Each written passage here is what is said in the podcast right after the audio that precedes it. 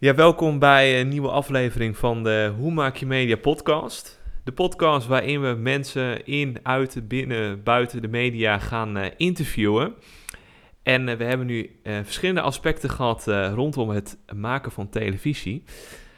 We hebben nu iemand die een soort mix is van een televisiemaker, een comedian, een podcastmaker en eigenlijk nog heel, heel veel meer. Hij is groepen vrienden, collega uit Amersfoort, Klaas Prins. Welkom Klaas in de podcast. Dankjewel Ivo. Ik vind het heel leuk om uh, nu een keer bij jou te gast mogen te zijn. Leuk man. Nou, dat is fijn om te horen. Ja, hartstikke leuk dat je de tijd wil nemen eh, om te gast te zijn. En uh, ja, uh, ik stel vaak als eerste vraag van, wat heb je zelf met podcast? Maar bij jou zit er al gelijk een, een uitgebreid antwoord achter. Ja. Um, ja, want je hebt een uh, eigen podcast. Ja, ik heb inderdaad voor 3FM een uh, poosje terug zelf een podcast gemaakt. Genaamd de podcast Too Soon. die maakte ik met Frank van der Lende en Ruud Smulders en Kiki Schippers. En dat ging eigenlijk over de grens van humor. Want die zagen we verschuiven. We zijn, Ruud, Kiki en ik zijn ook cabaretier. En we zagen dat, dat het, het onderwerpen vaak steeds gevoeliger werden. En we vroegen ons af waarom dat was en waar ligt die grens dan en waarom ligt die grens daar dan. Uh, dus daar gingen we eigenlijk over aan de hand van de actualiteit over kletsen. Over, uh, dus Black Lives Matter gebeurde toen bijvoorbeeld net. En hebben we over gekletst met, joh, dit is een supergevoelig onderwerp. Waarom mag je daar wel of geen grap over maken? Ja, heel interessant. Ja, wel een leuk concept uh, inderdaad. Ja, en om dat ook gelijk dan te pitchen bij een omroep. Je had niet van, ik ga het zelf in mijn eentje maken. Of nou ja, of bedoel van ik ga ze uitnodigen in mijn uh, stulpje in Amersfoort om daar de podcast op te nemen. Ik probeer het eens zelf. Nee, uh, nee, dat is gek genoeg eh, eigenlijk wel een beetje brutaal gegaan. En ik merk dat ik dat wel vaker heb. Dat ik af en toe zo enthousiast word van iets dat ik dan net iets te brutaal uh, omheen sla en dingen ga proberen. En dan achteraf wel eens denk, oh, dat had ik misschien zelf ook wel kunnen proberen. Maar in dit geval pakte het eigenlijk best wel goed uit. Dat was ook wel andersom, want ik had dan, toevallig kende ik de, uh, de eindredacteur van 3FM, toenmalig eindredacteur, die kende ik, omdat ik ooit eerder met hem samen had gewerkt. En die had tegen mij gezegd van, goh, als jij een idee hebt voor een podcast, laat maar weten. Waarop ik tegen hem zei, nou, laten we volgende week dinsdag gaan lunchen, want ik heb wel wat. Toen heb ik 30 ideeën bedacht en toen kwam deze eigenlijk uit. En daarom mocht ik deze gaan maken. Dus het was eigenlijk meer. Ik had 29 niet goede ideeën en één wel. En daarom mocht ik die doen.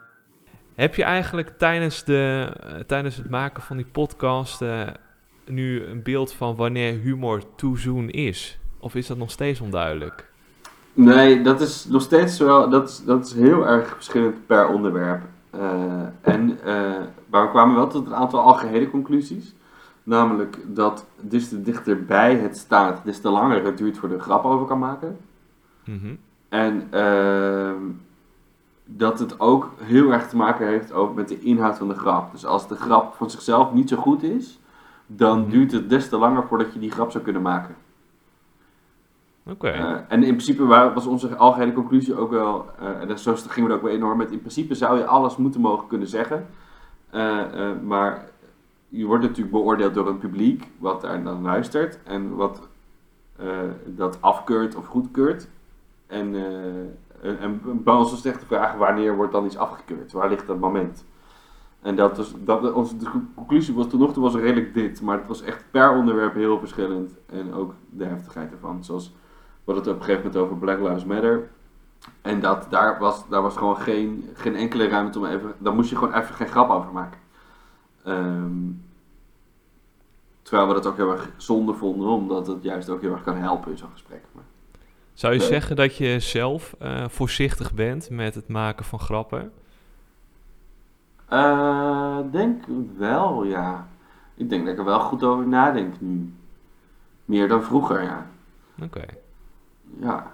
Heeft, heeft dat invloed op het denkproces? Nee. Nou, een beetje. Maar ik uh, ben nu, als ik bijvoorbeeld bekijk naar hoe ik het nu doe, ik ben een nieuwe voorstelling aan het schrijven. Volgens mij hebben we dat al benoemd. Uh, maar. Uh, Kun je ja, nooit vaak genoeg benadrukken, hè? Kan je niet vaak genoeg nee, precies, nee, maar ik zit daar niet over na te denken. En ik denk dat mijn regisseur, die, die hamert er bij mij steeds op. Dat ik nu moet schrijven alsof nog niemand dit gaat horen. En daarna gaan we wel kijken of het dan de moeite waard is om te laten horen. Mhm. En dan pas ga ik ook nadenken over, komt het dan wel goed over? Dus, dus En- dat, en- ja. En nu je het toch over je theatervoorstelling hebt, hoe pak je dat eigenlijk aan het maken van een theatershow? Hoeveel tijd zit daar bijvoorbeeld in? Veel. Ehm, heel veel. Mijn eerste voorstelling die is eigenlijk een soort the best of class geworden. En daar heb ik een thematiek in gevonden. Dus dat, dat, ja, hoe dat, dat precies geduurd heeft, weet ik niet zo goed. Want ik doe dit nu zo'n acht jaar. En, eh, of zeven jaar, zoiets. En eh, ik, ik denk dat ik daar concreet drie jaar mee bezig ben geweest om mijn eerste voorstelling van te maken. En nu ben ik een nieuwe aan het doen en daar doe ik ongeveer anderhalf jaar over. Mhm. Eh, ja, en dat, dat is gewoon vooral heel veel verzamelen. Dus dat is, ik heb, pardon, ik heb een, een Google Drive documentje waarin ik eigenlijk altijd dingen bijhoud.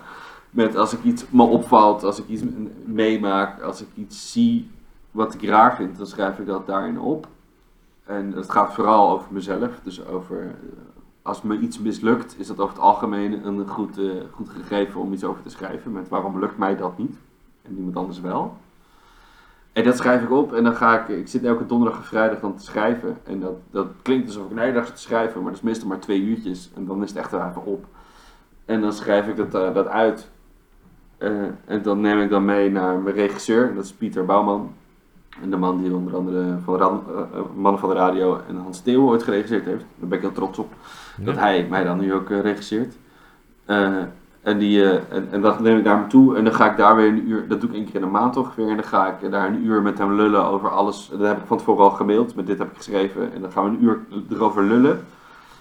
En dan zorgt hij ervoor dat het klopt. Hij zorgt er eigenlijk voor dat ik eerlijk word. Eh, want ik lieg vaak als ik grapjes wil maken. En hij zorgt ervoor dat het dan echt wordt. Zodat het dan, nee, dan wordt het meer dan een clowntje, zeg maar. En, eh, en dat doe ik eindeloos tot, eh, tot de eerste eh, try-out. En die zou in juni nu plaats moeten gaan vinden. Dus dat, de tijd begint een beetje te dringen. Maar eh, zo, een beetje.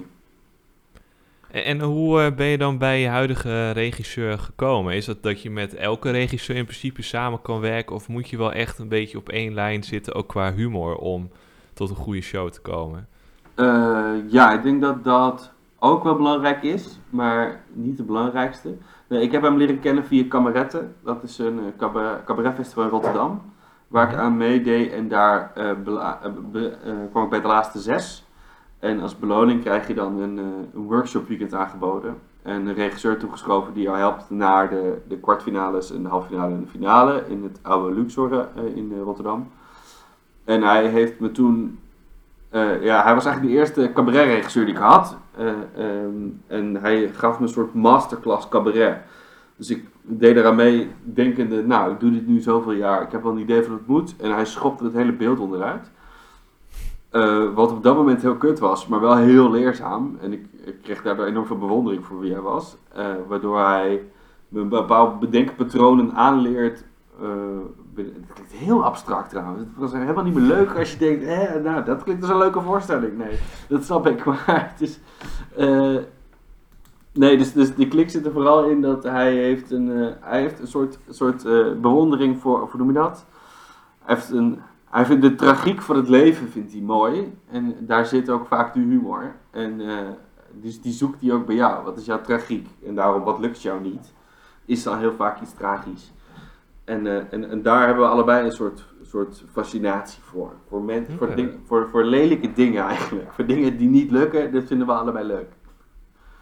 Kun je daar een voorbeeld van geven? Eh, nou, bijvoorbeeld dat we dit gesprek al een keer eerder hebben opgenomen, maar dat mijn microfoon niet goed werkte. Omdat ik een pannenkoek ben. dat is wel iets tragisch. Dat Dus zou ik niet vertellen. nee. Oh, sorry, sorry. Ehm, nou, een stukje van het gesprek dan. En, en, en, nee, dat bijvoorbeeld. Of eh, eh, eh, even nadenken over wat ik nu, ja, waar ik nu mee bezig ben. Eh, nou ja, in sociale om, omgangen zit het hem ook vaak. Dat ik ben een pleaser, een enorme pleaser als ik met iemand aan het kletsen ben. Maar soms eh, sla ik daardoor de plank helemaal mis. Dus ik, het is mij wel eens voorgekomen dat ik in een gesprek zat en dat ik zo graag mee wilde doen in het gesprek dat ik daardoor meeging als iemand wat racistisch zei. Dat ik dan zo, ja inderdaad, ja ja. En dat dan iemand anders zei, nou dat is echt super racistisch. En dat ik dus de verkeerde kant al gekozen had. Waardoor Ja. ik moest ontdekken hoe kan ik nou weer terug naar de kant waar ik eigenlijk al had willen zitten. Maar dat weet, ik weet dan niet hoe dat moet. En, nou ja, dat, en, dat soort dingetjes vind ik heel interessant. Eigenlijk. Ja. Nou ja, en of alleen al het idee dat ik blijkbaar de, de neiging heb om voor een publiek te staan wat ik niet ken, om daar dan een soort bevestiging uit te halen. Dat is al iets heel raars. Terwijl ik ze ook niet vertrouw. Dus, nou ja, dat is waar. En, en hoe ziet zo'n eh, typische Klaas Prins show eruit? Is er een bepaalde signatuur aan jouw eh, voorstellingen? Eh, ja, absoluut. Maar ik vind het zelf altijd moeilijk om onder woorden te brengen. Ook omdat ik daar dus ook wel even mee bezig ben. Met wat, is, wat laat ik nou zien dan. Maar ik denk dat het een beetje... Het is sowieso muzikaal, want ik, doe allemaal... er zitten heel veel liedjes in. Mhm. Eh, waar je als het goed is om moet lachen meestal. En eh, eh, het is denk ik ook wel vrij energiek. Ik ben wel een energieke gast die wel vol overgave zo'n verhaaltje vertelt. En dat is denk ik ook waarom het zo leuk is, omdat daar denk ik, ja, als ik hier vol overgave, vol gas hier het kom doen, dan, dan, dan is er voor mezelf ook geen weg terug en voor mijn publiek ook niet. Mhm. En dan kan je het alleen nog maar leuk vinden of niet. Maar er zit niks tussen. Oké. En je bent dus druk bezig met, eh, met de voorstelling en dan ga je dus ook eh try-outen. Ja. Zou je eens kunnen uitleggen wat try-outen inhoudt? Eh, waar zit het verschil mee met een reguliere voorstelling? Want je gaat daarvoor ook gewoon optreden voor een Ja. Klopt, klopt.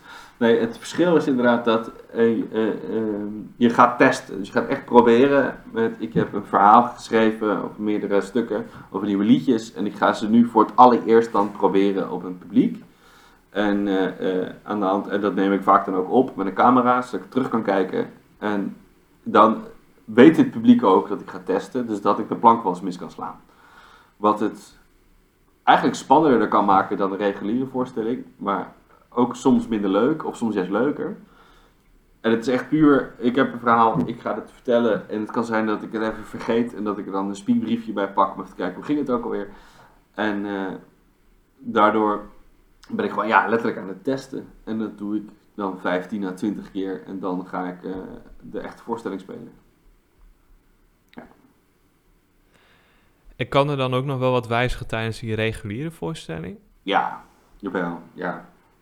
Zeker. In Dus niet een vastgegeven eigenlijk. Nou, wel veel hoor. Over het algemeen Oké. zet je wel eh, het grote deel vast. Maar ik heb in mijn oude voorstelling, omdat ik daar dus zo lang over had gedaan, helemaal aan het begin een heel stuk over dat ik eh, in de rij moet wachten in de Efteling voor een attractie. En achter een vrouw komt te staan die heel enthousiast op reageert. Die heeft gewoon heel veel zin in. Die blijft het hele tijd herhalen. En ik word daar helemaal gek van. Omdat ik denk, ik moet en anderhalf wachten en ook nog eens achter jou. Nou ja, dat stuk dat, dat heeft heel lang heel goed gedaan. Maar op een gegeven moment was ik het stuk zelf gewoon zat. Omdat ik het eindeloos had verteld. ja. En, en elke keer weer opnieuw. En dat stuk dat is al vijf jaar oud of zo. En eh, dat, ik kreeg het gewoon niet meer. Ik, ik, het was heel raar. Het was eerst heel grappig. Een van mijn hoogtepunten. En op een gegeven moment was ik in één keer klaar mee. En toen werkte het ook niet meer. Omdat ik het niet meer leuk kon vertellen. Dus dan, die heb ik er gewoon uitgehaald. En daar is het anders voor in terug, terugkomen. Omdat ik ook dacht, ja, ik kan dit wel blijven vertellen. Maar dat is voor het publiek niet leuk en voor mij niet leuk. Dus dan kan ik er beter bij uithalen en wat anders doen. Ah, Oké. Grappig eh, hoe dat dan, eh, ja. Je moet het natuurlijk zelf ook brengen en zelf ook leuk vinden. Eh, het is natuurlijk niet dat het een repertoire is van een artiest waarbij je dan één hit hebt die je elk optreden moet, moet zingen omdat anders het publiek boos wordt. Mensen weten niet dat ze van jou per se het Efteling verhaal eh, moeten verwachten. Nee, precies, precies dat, eh, inderdaad. En eh, het publiek weet dat inderdaad niet. Maar het is wel zo dat, dat als er onderling gepraat wordt, en dat hebben we bijvoorbeeld wel eens van die festivalletjes meegemaakt, dat je gewoon drie keer per dag speelt. En dat het publiek dan de zaal uitloopt en dan tegen de volgende mensen al zegt, of tegen een vriend zegt van, oh, is lachen, hij heeft dit stukje over de Efteling. En als ze daar komen zitten en je doet hem niet, dan zijn ze wel een beetje van, nou, maar heeft hij bij ons helemaal niet gedaan.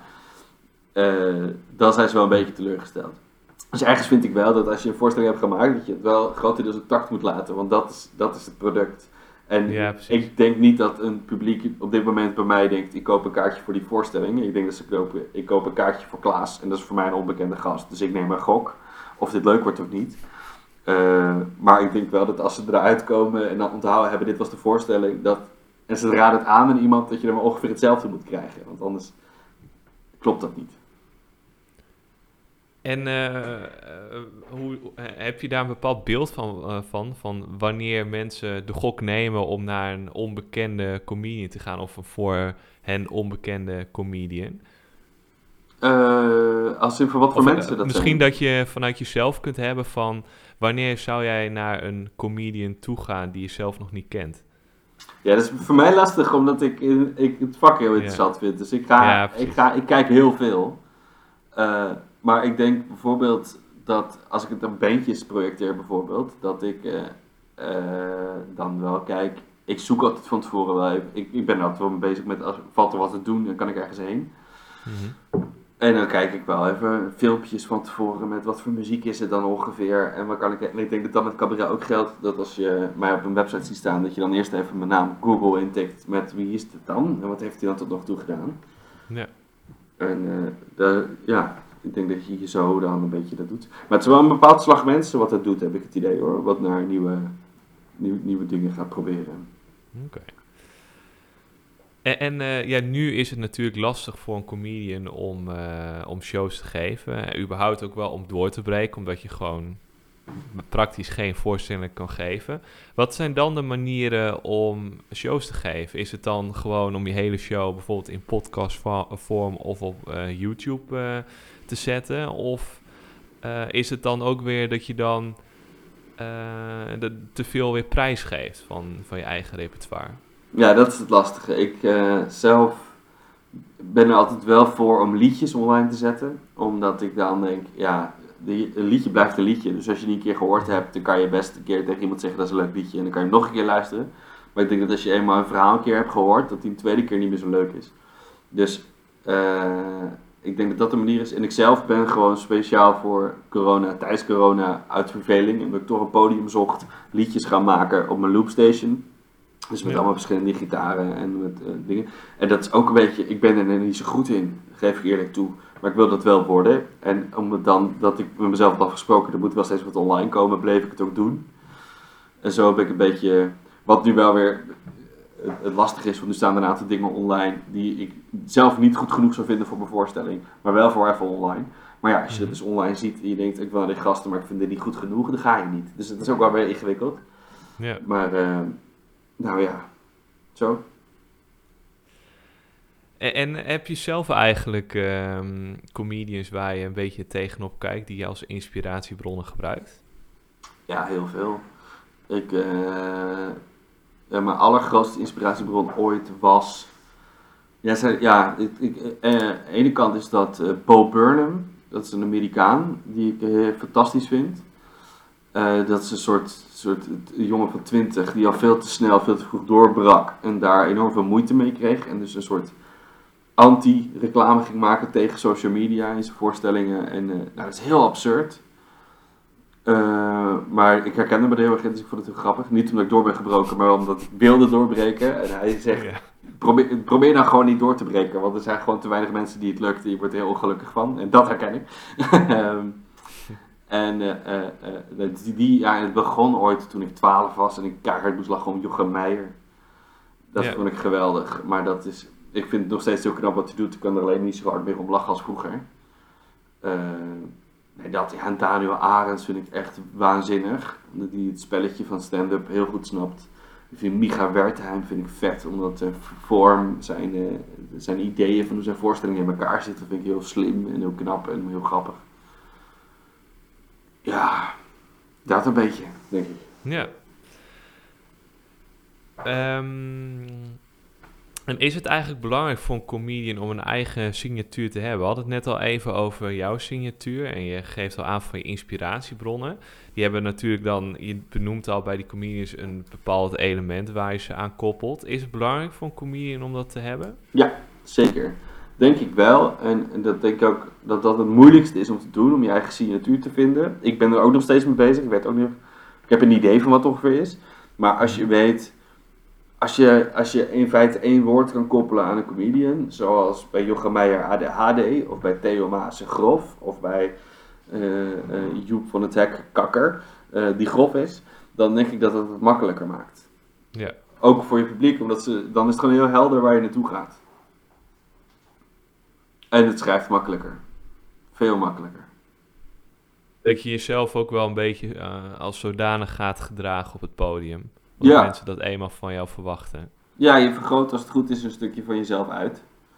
Eh, dus je bent wel jezelf, maar je dat iets uitvergroot.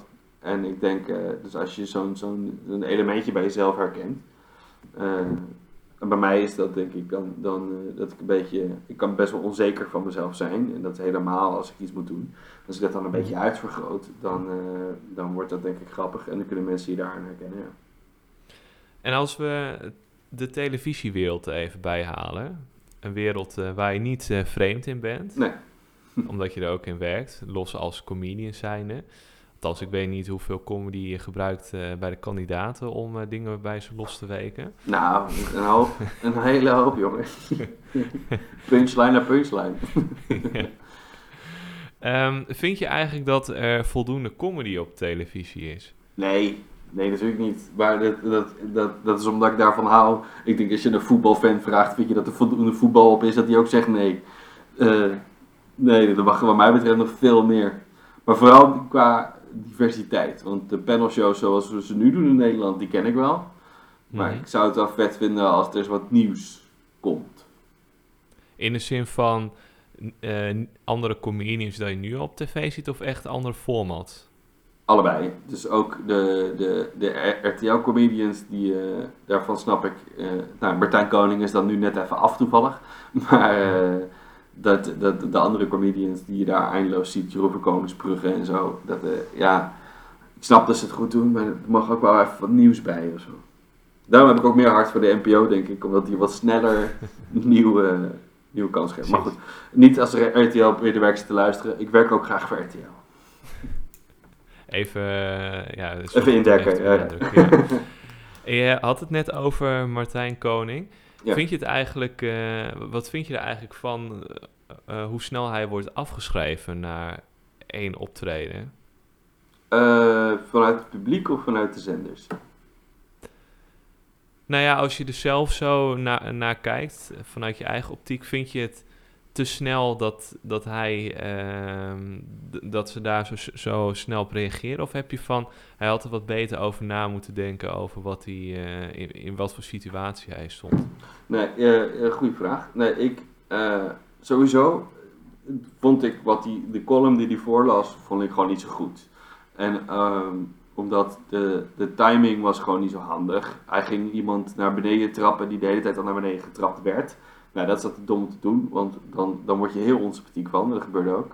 Maar ik vind het lelijke aan het verhaal, buiten de inhoud om, dat Jinek gelijk daarna afstand heeft genomen van Martijn Koning. Omdat ik dacht, ja maar volgens mij hoeft het helemaal niet, want Martijn Koning komt als Martijn Koning dit voorlezen. Dus dit is zijn verantwoordelijkheid. Daar heb jij als programma niet zoveel mee te maken. En dat Thierry Baudet dan naar wil luisteren en dan wegloopt, dat is dan het Thierry. En dat is ook weer televisie. Eh, maar ik vind, ik vind niet dat een programma, een talkshow waarin je iemand uitnodigt om zijn eigen verhaal te komen doen, zijn eigen zijn mening te geven. Dan vind ik niet dat je je dan aangesproken moet voelen als programmamaker dat je daar afstand van moet nemen. Sterker nog, ik vind dat heel lelijk, omdat je iemand dus uitnodigt. Stel ik zeg tegen jou, Ivo, ik heb een podcast en kom jij bij mij even je mening vertellen. En jij vertelt je mening en dan zeg ik, nou, nou daar trek ik me van terug. Sorry dat ik jou heb uitgenodigd. Dat is toch heel raar? Dan had je jou moeten Ja. nodigen.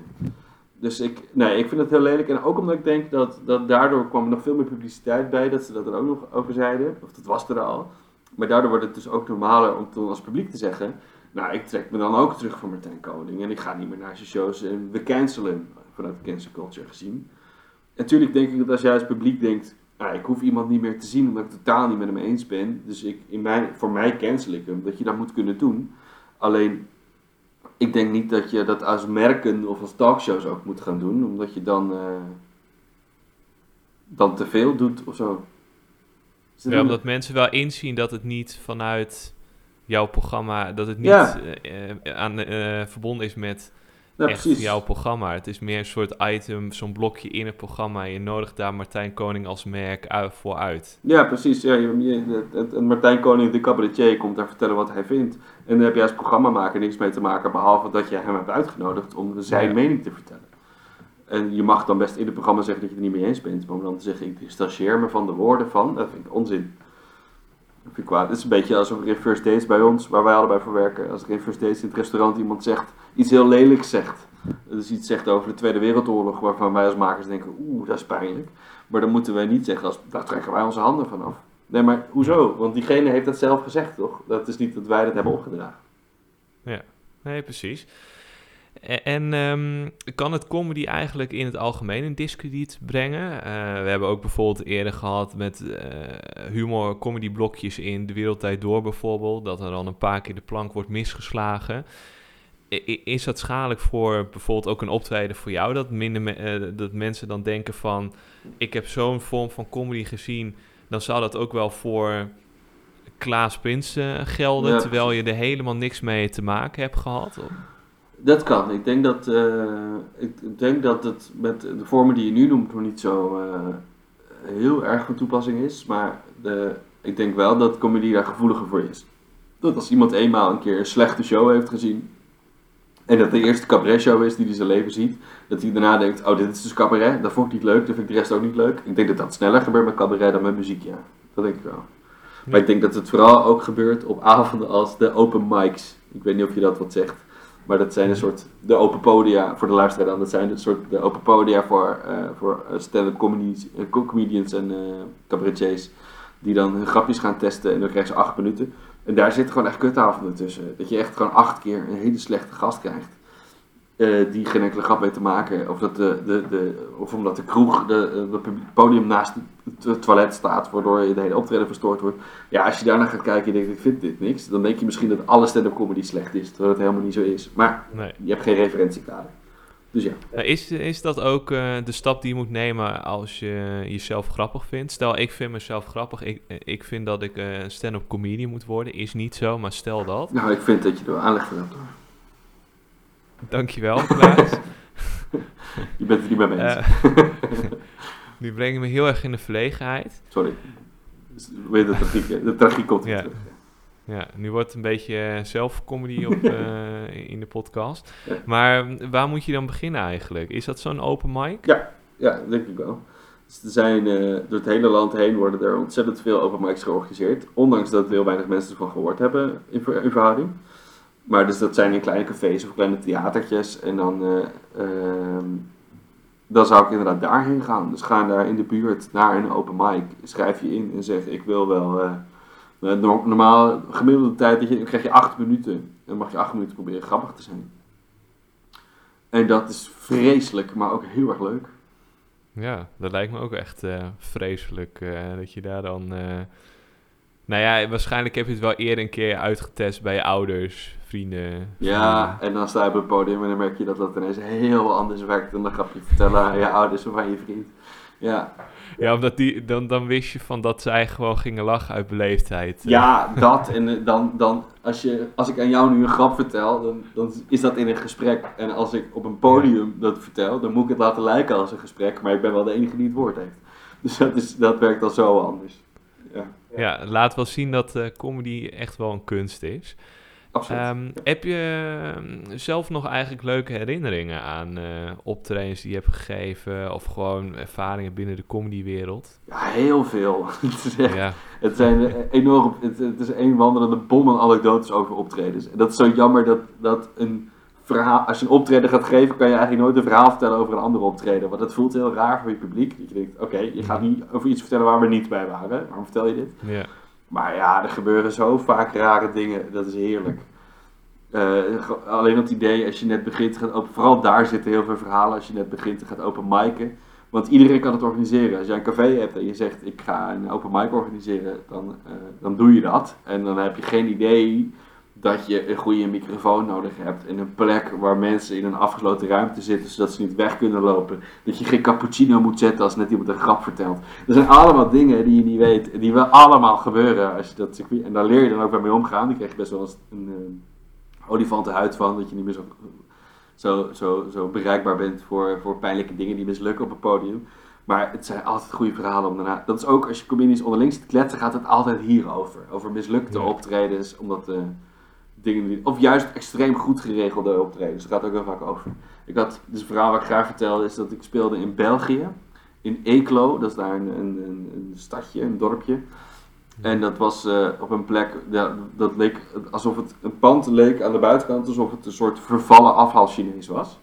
Met twee van die grote eh, leeuwen ervoor, maar die leeuwen die waren eh, van, van goud, zeg maar, van het nepgoud. Maar die waren een beetje verzakt, waardoor het net leek op twee leeuwen met het syndroom van Down. Dat was heel raar.